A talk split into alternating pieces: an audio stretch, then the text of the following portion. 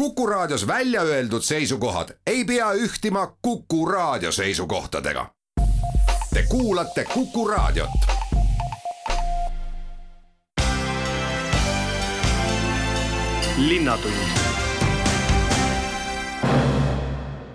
tere päevast! täna anname teile teada, millised teemad tulevad üles pärastlõunal Eesti Rahva Muuseumis algaval Tartu kaks tuhat kakskümmend neli rahvusvahelise kultuurikompassi foorumil, kuidas sai Dorpati konverentsikeskusest Lõuna-Eesti suurim jõusaal ja mis sinna on veel plaanis teha. räägime Tartu lastekirjanduse auhinnast ja noorte lugejate eelistustest ning lõpetuseks juhatame teid ülikooli raamatukogus avatavale Harry Puuderseli maalinäitusele. intervjuud on teinud Madis Ligi Trimbik, kuhu siis sedakorda kultuurikompassi nõel seatakse?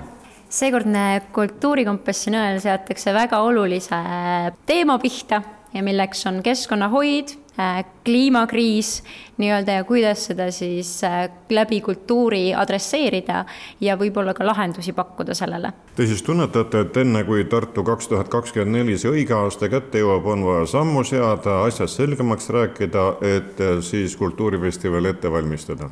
Jaa, absoluutselt, et äh, Kultuurikompass on äh, mõeldud inspireerimaks meie siinseid kultuurikorraldajaid nii Tartus kui ka Lõuna-Eestis, äh, jagama neid, omavahel neid häid praktikaid, teadmisi, mis meil juba olemas on, aga mida me saaksime siis ka Euroopast juurde tuua või et mida saaksid eurooplased meiega jagada.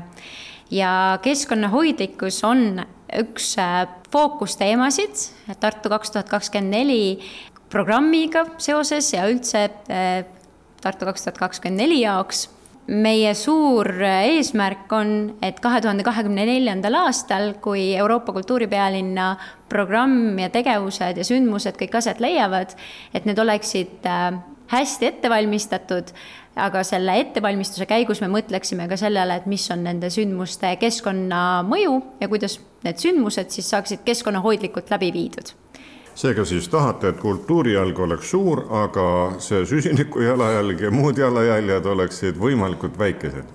täpselt nii, et selleks me oleme juba ettevalmistusi teinud, koostanud Tartu kaks tuhat kakskümmend neli strateegia, keskkonnategevuste strateegia, ehk siis pannud oma tegevused laiemasse konteksti, nii Euroopa kui ka Eesti konteksti ja ammutanud inspiratsiooni siinsetest headest praktikatest, Euroopa headest praktikatest ja seadnud endale siis keskkonnaalased eesmärgid, mida me sooviksime täita. aga selleks, et neid eesmärke täita, peame me kokku leppima nendes äh, põhimõtetes, mida me järgime. et mis on need põhimõtted, mida me saame ette võtta kultuurikorraldajatena, sündmuste elluviijatena, et äh, sündmuste keskkonnamõju oleks võimalikult väike. Täna te siis räägite need läbi või panete juba paika, lööte pitsate peale ja ütlete, vot nii saabki olema. Või on veel mõttevahetustel tulemas lisa? see juhend, mille järgi neid sündmusi kahe tuhande kahekümne neljandal aastal, aga juba ka sellel aastal saab korraldada ja me korraldame, on juba olemas see on meie kodulehel saadaval, see on Tartu linna kodulehel saadaval, see sündis koostöös Tartu linnavalitsuse kultuuriosakonnaga eh, eelmisel aastal. Ja sinna panustas ka kestlike sündmuste nõustamise ettevõte Assento OÜ ja, ja mitmed kultuurikorraldajad andsid sellele tagasisidet. see juhend, mille järgi neid sündmusi ellu viia, on juba olemas ja sellega saab tutvuda, aga sel korral Kultuurikompassil me võib-olla uurimegi seda laiemat konteksti, et mida selleks on vaja, et meil oleks võimalikult hea neid sündmusi keskkonnahoidlikult ellu viia, kuidas seda üldse kultuurisektoris tervikuna teha, et kuidas näiteks strateegiad, üleriigilised ja üle-euroopalised strateegiad keskkonnahoidlikku kultuurikorraldust toetavad, kas nad toetavad, et need on niisugused suured ja olulised küsimused, mida me neljapäeval küsime. ja me oleme jaganud oma päeva kolme ossa, et üks tegelebki poliitikatega, teine osa tegeleb siis sellega, et kuidas need võrgustikud, millesse paljud kultuurikorraldajad juba kuuluvad või võiksid kuuluda, saavad olla abiks kas siis äh, partnerite vahetamisel, milleks paljud võrgustikud äh, mõeldud ka on, või siis ka selleks, et äh, näiteks keskkonnahoidlikult oma sündmust ellu viia. et kuidas võrgustikud saavad meid teadmiste ja kogemuste vahetamisega abistada, abistada ja aidata.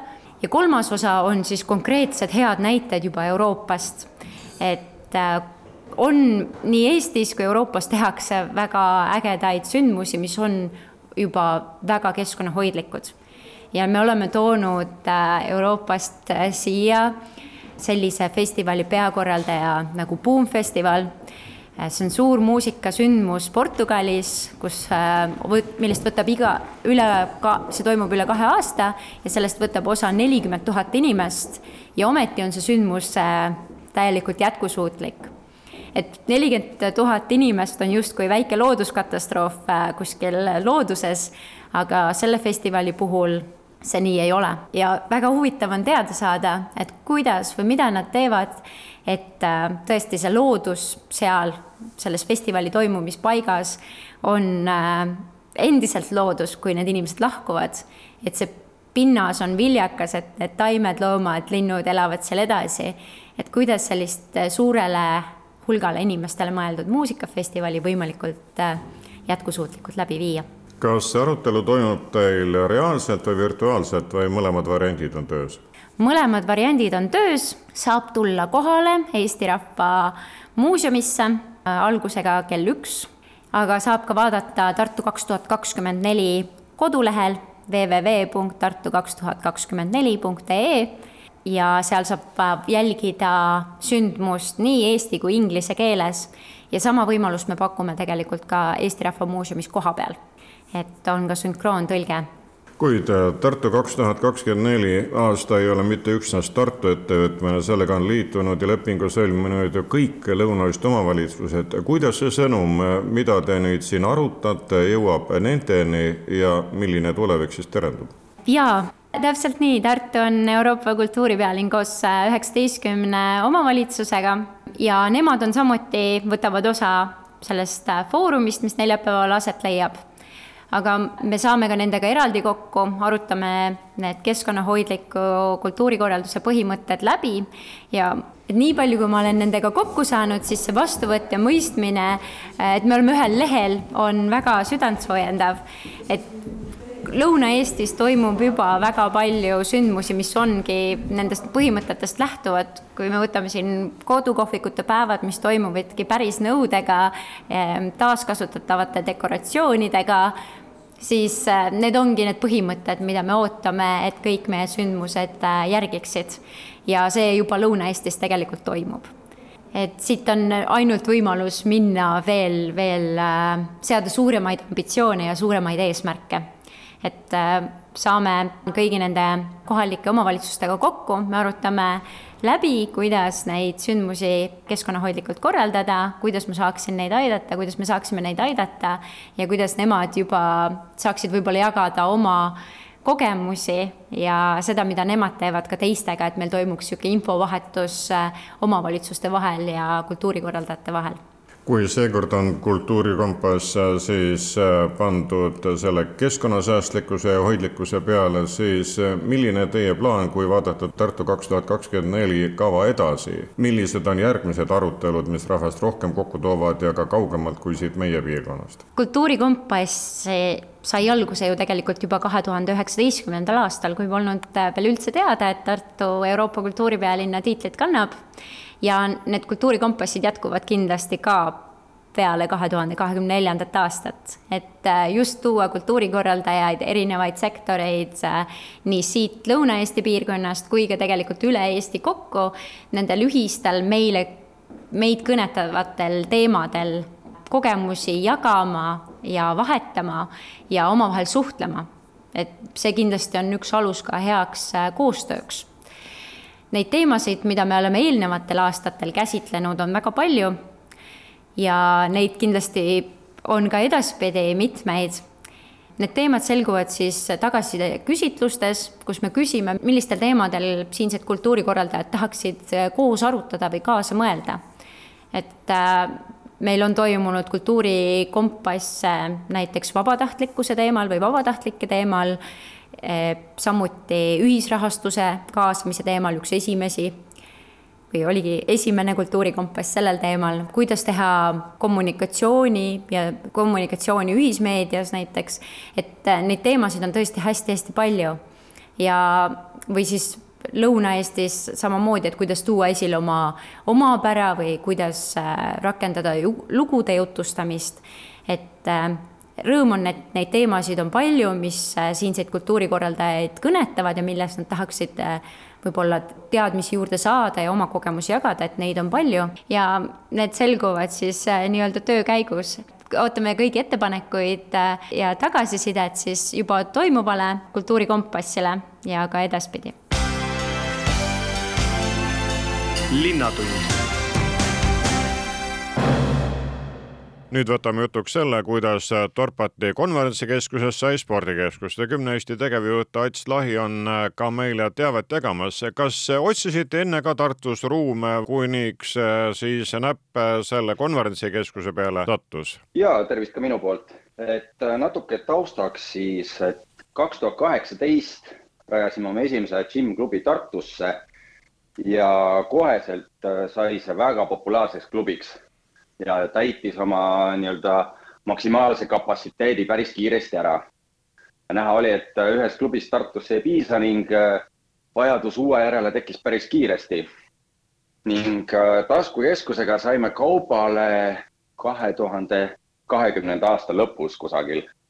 ja noh, muidugi sellega oli niimoodi, et kõigepealt MyFitnessile pakuti neid ruume ning äh, Jimmy huvi oli äh,, oli samuti Tartusse laieneda ning sealt tulenevalt siis äh, MyFitnessi ja Jimmy vahel tekkis kokkulepe, et Jim võtab siis taskuruumid endale ja teeme sinna uue uhke klubi. kas pidite ümber ka ehitama või ainult sisustama need ruumid äh,? tegelikult ümberehitust oli päris palju. et äh, nii-öelda lõhkusime välja vanad vaheseinad, ehitasime sisse riietusruumid, pesuruumid, kuid tahtsime jätta alles nii palju kui võimalik seda loomulikku äh, sisustust, mis seal oli, need kõrged laed, äh, need puidust äh, seinad ja, ja nii-öelda tekitada ka sellest erinevad tsoonid, et kes vanas Torpati keskuses on käinud, siis mäletavad, et, et seal oli väiksem saal ja suurem saal ja nüüd meil on tehtud niimoodi, et see väiksem saal on siis nii-öelda kardiosaal ja suurem saal on selline funktsionaalala kõrgete lagedega, et et me saime tegelikult seda ruumide paigutust päris hästi ära kasutada. olete reklaaminud seda uut kohta kui Lõuna-Eesti suurimat, on see ikka nii? ta on Lõuna-Eesti suurim neto jõusaali pindala koha pealt, et äh, My, äh, My Fitness Annelinnas on tegelikult suurem, aga noh, seal on ka rühmatreeningusaalid juures. et ütleme, kui võtta ainult jõusaali ala, siis on ta Lõuna-Eestis suurim kuid iseenesest see teie ettevõtmine näitab seda, et rahvas sportida tahab, jõusaalis käia tahab ning lihtsalt on vaja luua võimalusi, nagu teil näituse tänaval on, et seal võib suisa ööpäev läbi käia, kui aga on kaart olemas, siis pääsed sisse. jaa, absoluutselt. et äh, nii maailmatrend kui ka Eestis on näha, et just see low cost premium ehk siis kvaliteetne low cost äh, mudel toimib väga hästi, kus siis inimesed saavad äh, ligipääsu ükskõik mis ajal ja ka ükskõik millisesse klubisse.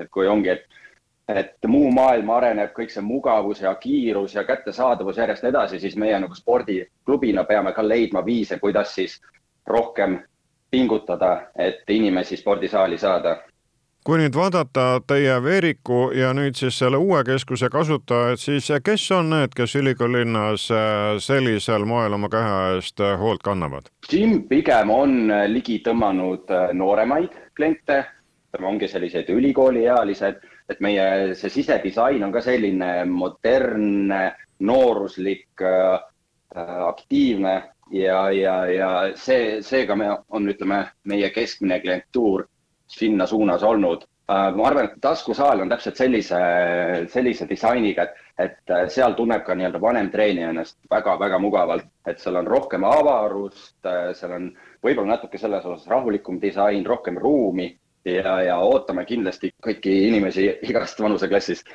rahuldab see nüüd Tartu vajadused ära või mõtlete järgmise laienduse peale? Ma arvan, et praegult, praegult vaatame, kuidas läheb taskuklubiga, kuidas liikmed selle vastu võtavad, praegune tagasiside on olnud väga-väga positiivne ja ma usun, et sellest klubist saab väga populaarne klubi. kas nii populaarne, et tasku ja veeriku kõrval on ruumi ka kolmandaks klubist, ma arvan, et see selgub siin nüüd lähima paari aasta jooksul kuid kui vaadata nüüd üle vabariigi, sest te olete ikkagi kümne Eesti, siis eh, milliseks seisu hindate, kas koroonapiirangute mõju on hakanud kaduma ja rahvas käib hoolega siis sportimas, harjutamas ning teie klubid, keskused on täis? ja seda võib, võib tõesti märgata igal pool, et kui siin vahepeal olid prognoosid, et inimeste harjumused, harjumused on jäädavalt muutunud ning, ning spordiklubid sellisel viisil enam toimetada ei saa, siis tegelikult nii ei ole, et inimesed on ikkagist otsinud seda sotsiaalset poolt, seda viisi kodust väljas treenida ning praegult võib öelda, et äh, nüüd sellel kevadel, kui viimased koroonapiirangud lõppesid, siis äh, klubid on tegelikult rekordtäituvusega me räägime praegu, Atslahi, teiega sisemistest võimalustest, samal ajal Tartus on ka välitreeningud kohe käima minemas, nii et igale maitsele igasuguseid võimalusi, kes kuidas tahab, kas pidevalt olla treeningrühmas või käia siis, kui omal mõte ja võimalus tekib. lühidalt, valikuid on. just, valikuid on, et äh, meil taskuklubis soovitan minna vaatama just see funktsionaalala on ka väga-väga suur ja avar, et, et kui ilmad on, ütleme, halvad ka suvel, siis seal tekib ka selline nii-öelda välitreenimise feeling. aga iseenesest kümne Eestil selliseid välijõusaale pole plaanis püsti panna? otseselt välijõusaale ei ole plaanis hetkel püsti panna, kuigi taskus on meil ka selline terrassiala, ligi sada kaheksakümmend ruutu, millele me teeme eraldi siis nii-öelda avamisürituse ja siis saab ka taskukeskuse panoraamvaatega terrassil välitreeningu mõnusid nautida. linnatund linnatund läheb edasi lastekirjanduse preemiaga, sellepärast et meie Linnaraamatukogu koos abilistega on nüüd auhinnasaaja ära valinud ja laste ja noorteosakonna juhataja Adu Nõmmeriga selle kohe jutuks võtame. kuidas see valimine käib, milline see protsess on?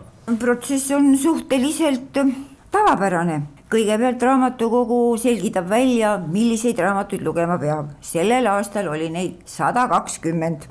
siis lepitakse kokku žüriiga, sest žürii on igal aastal uus kokkulepped tuleb sõlmida, lugupeetud äh, žürii liikmetele tuleb selgeks teha, et sada kakskümmend raamatut tuleb läbi lugeda et äh, pean tunnistama, et kõige rohkem probleeme on meil õpetajatega, kuna õpetajatel on vähe aega ja siis äh, see lisalugemine tundub neile tihti olevat väga suur kohustus, aga me oleme kõigega hakkama saanud ja meie žürii liikmed asuvad siis lugema.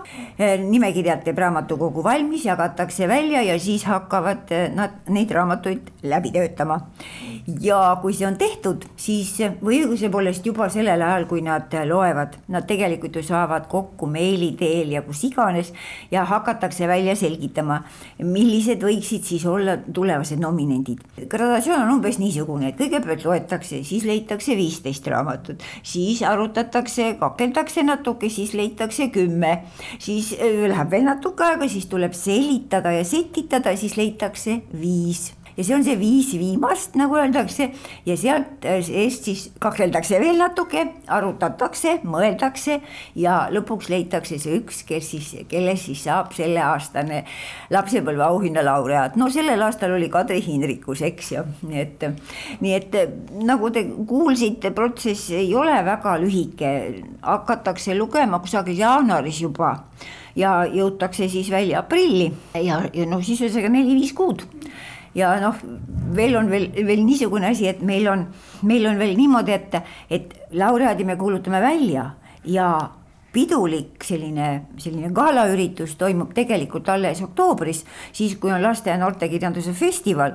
et eh, paar aastat juba me oleme teinud nõndamoodi, et festivali avapäeval tuleb siis meie no auhinnatud kirjanik, saab lastega kokku, kingib raamatuid, annab, annab autogramme ja räägib endast, nii et selline on see protsess niimoodi linnulennult kas äh, selles nimekirjas on üksnes Eesti autorite raamatud, äh, teosed või äh, kõik see, mida Lutsu raamatukogu on välja pakkunud? me oleme praegu küll keskendunud rohkem kodumaistele autoritele ja, ja noh, ütleme siis niimoodi, et, et me oleme juba mitu aastat nagu mõelnud või oleme lootnud, et meie oma autorid kirjutaksid niisuguseid häid raamatuid, mis tuleksid nagu žürii liikmete nii-öelda peopesa peale.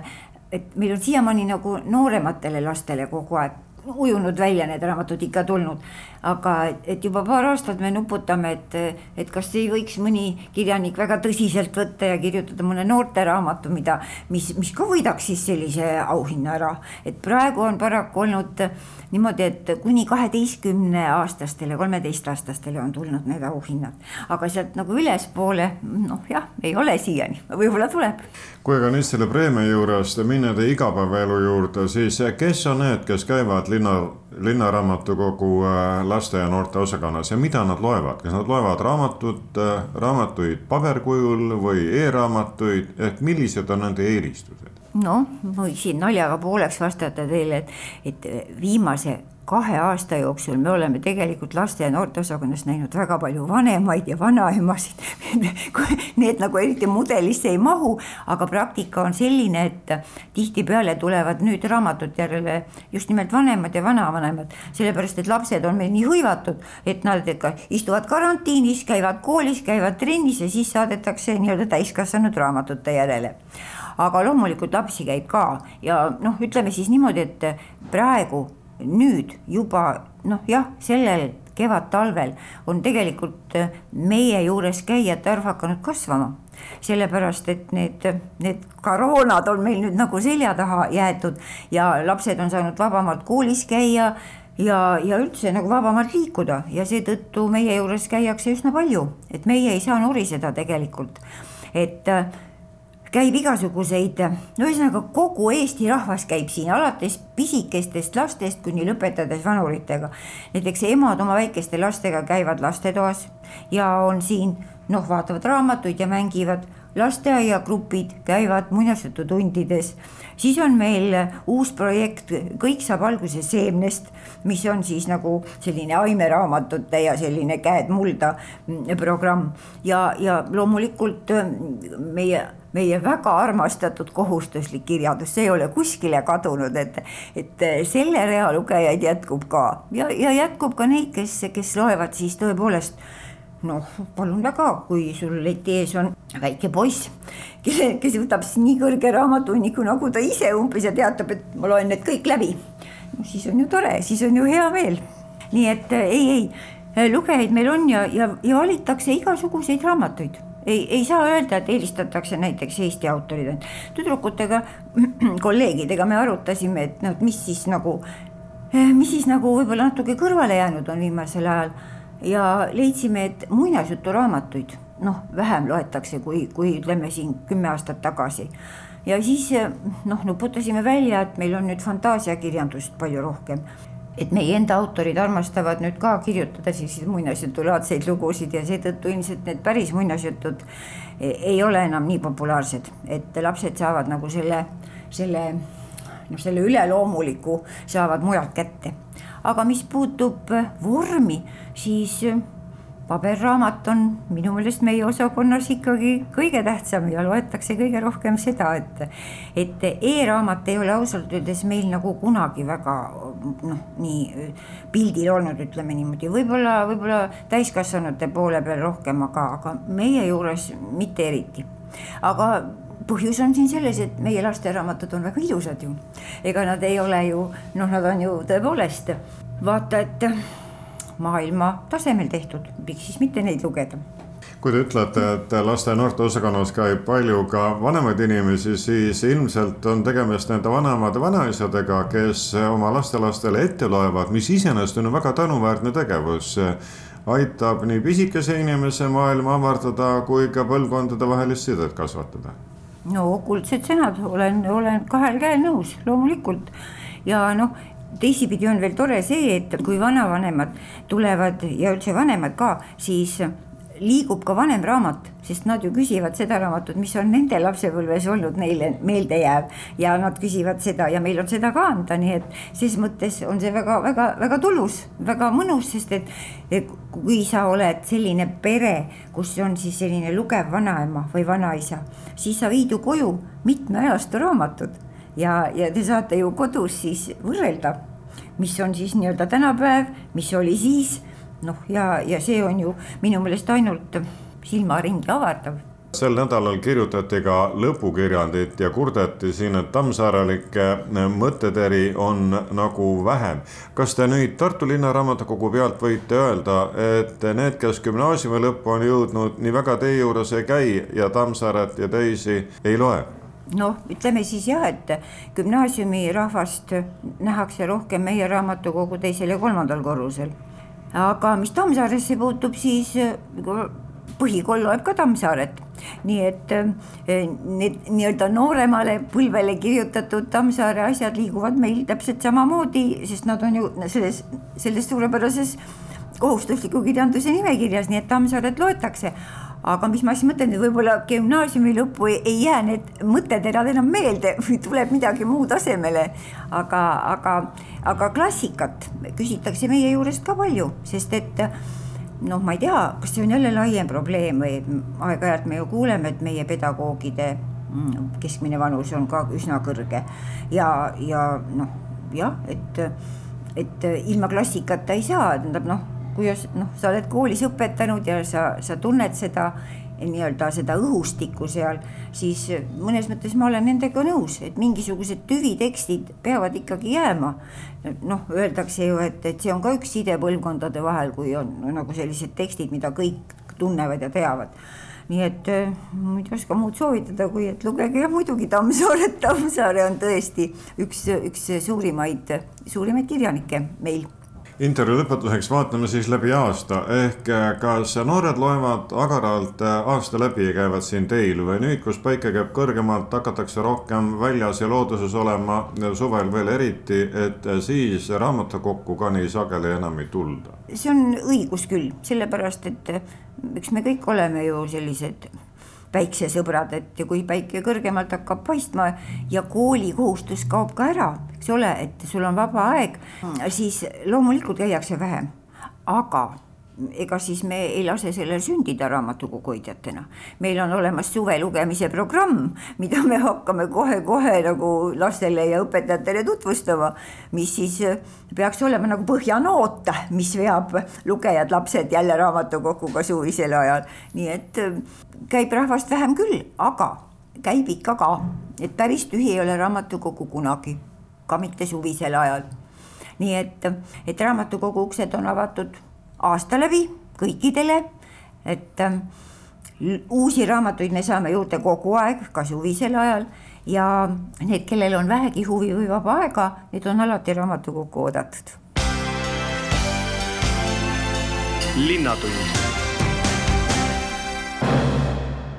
linnatund lõpeb näitusega, mida Krista Roosi praegu kokku paneb ja meie linna kunstnik Harri Pudrsell oleks sel aastal saanud sajaseks. see on see põhjus, miks tema maalid uuesti rahva ette tuua. millal ja kus siis näitus rahvale vaadata saab olema? näitus saab olema Tartu Ülikooli raamatukogu kolmandal korrusel fuajees ja tegelikult vähemalt kunstimuuseumi andmetel on see esimene tema isikunäitus, mis baseerub kunstimuuseumi kogudel ja Tartu Ülikooli ajaloomuuseumi kogudel ja, ja siis erakogudel. ning näitus paned sa kokku siis kahe kunstikooliga?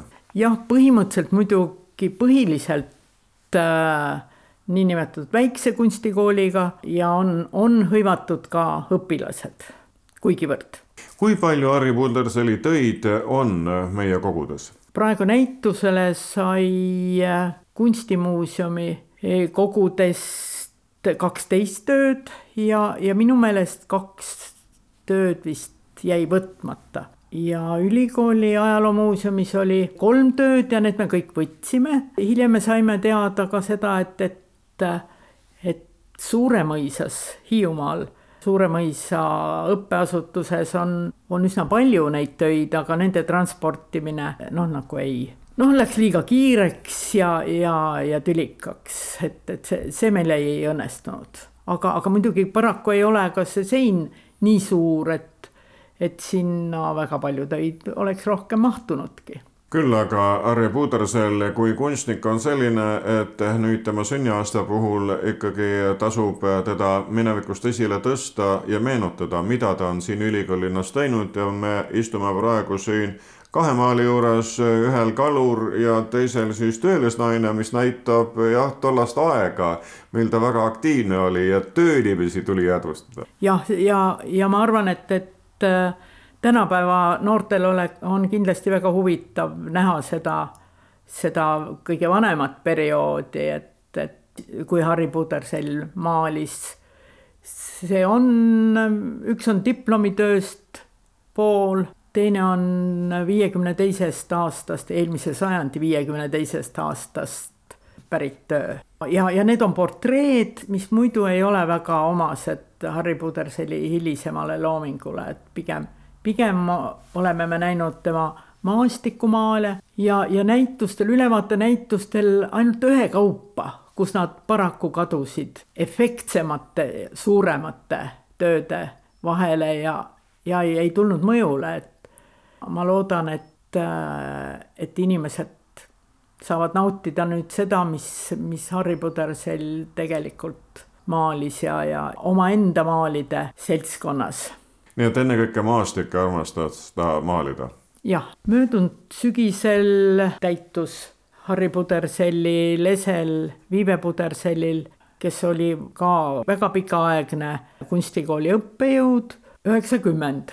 Ja ma helistasin talle ja me rääkisime pikalt ja, ja ta, ta meenutas mulle, et, et Harri saab sada järgmisel suvel, viiendal juunil. Ja vihjas ka, et tore oleks, kui, kui seda meeles peetaks. hiljem ma sain teada, et ta, ta ei arvanud seda, et näitus tuleks korraldada, aga minu, minul ei tekkinud mingit muud mõtet, et, et see peaks nagu näitus olema, sest ma olin ise ühe korra saanud elamuse sellest väljapanekust, mis sai tehtud kunstnike majas, niisugune tänapäeva nimetusega pop-up näitus sai võetud, kui Harri, Harri Pudersell suri, siis me korraldasime selle näituse üheks päevaks ja tõime, tõime tema ateljees olevad tööd alla.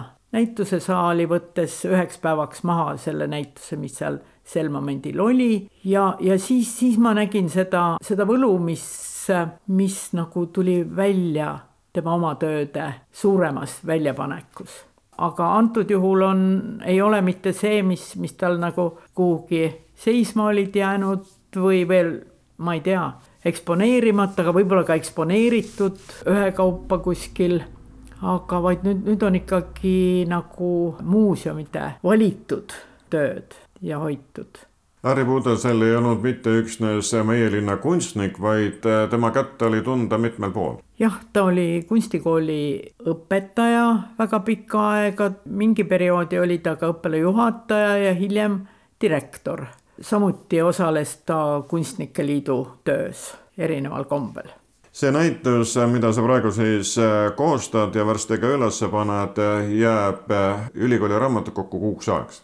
jah, põhimõtteliselt küll et ja, ja ma tahan seal eksponeerida ka mälestuskilde erinevatelt inimestelt, põhiliselt vilistlastelt ja, ja kaasõppejõududelt ja mõningaid fotosid temast, mis näitaks teda kui inimest su kõrval on siin üks fotomapp, sa võtsid välja need pildid, kus peal on siis Lennart Meri ja Harri Pudlasel.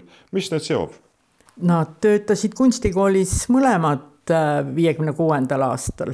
ja üheksakümne kuuendal aastal, kui Lennart Meri tuli Tartusse, siis, siis palus ta, et, et korraldataks talle visiit äh, Pallasesse.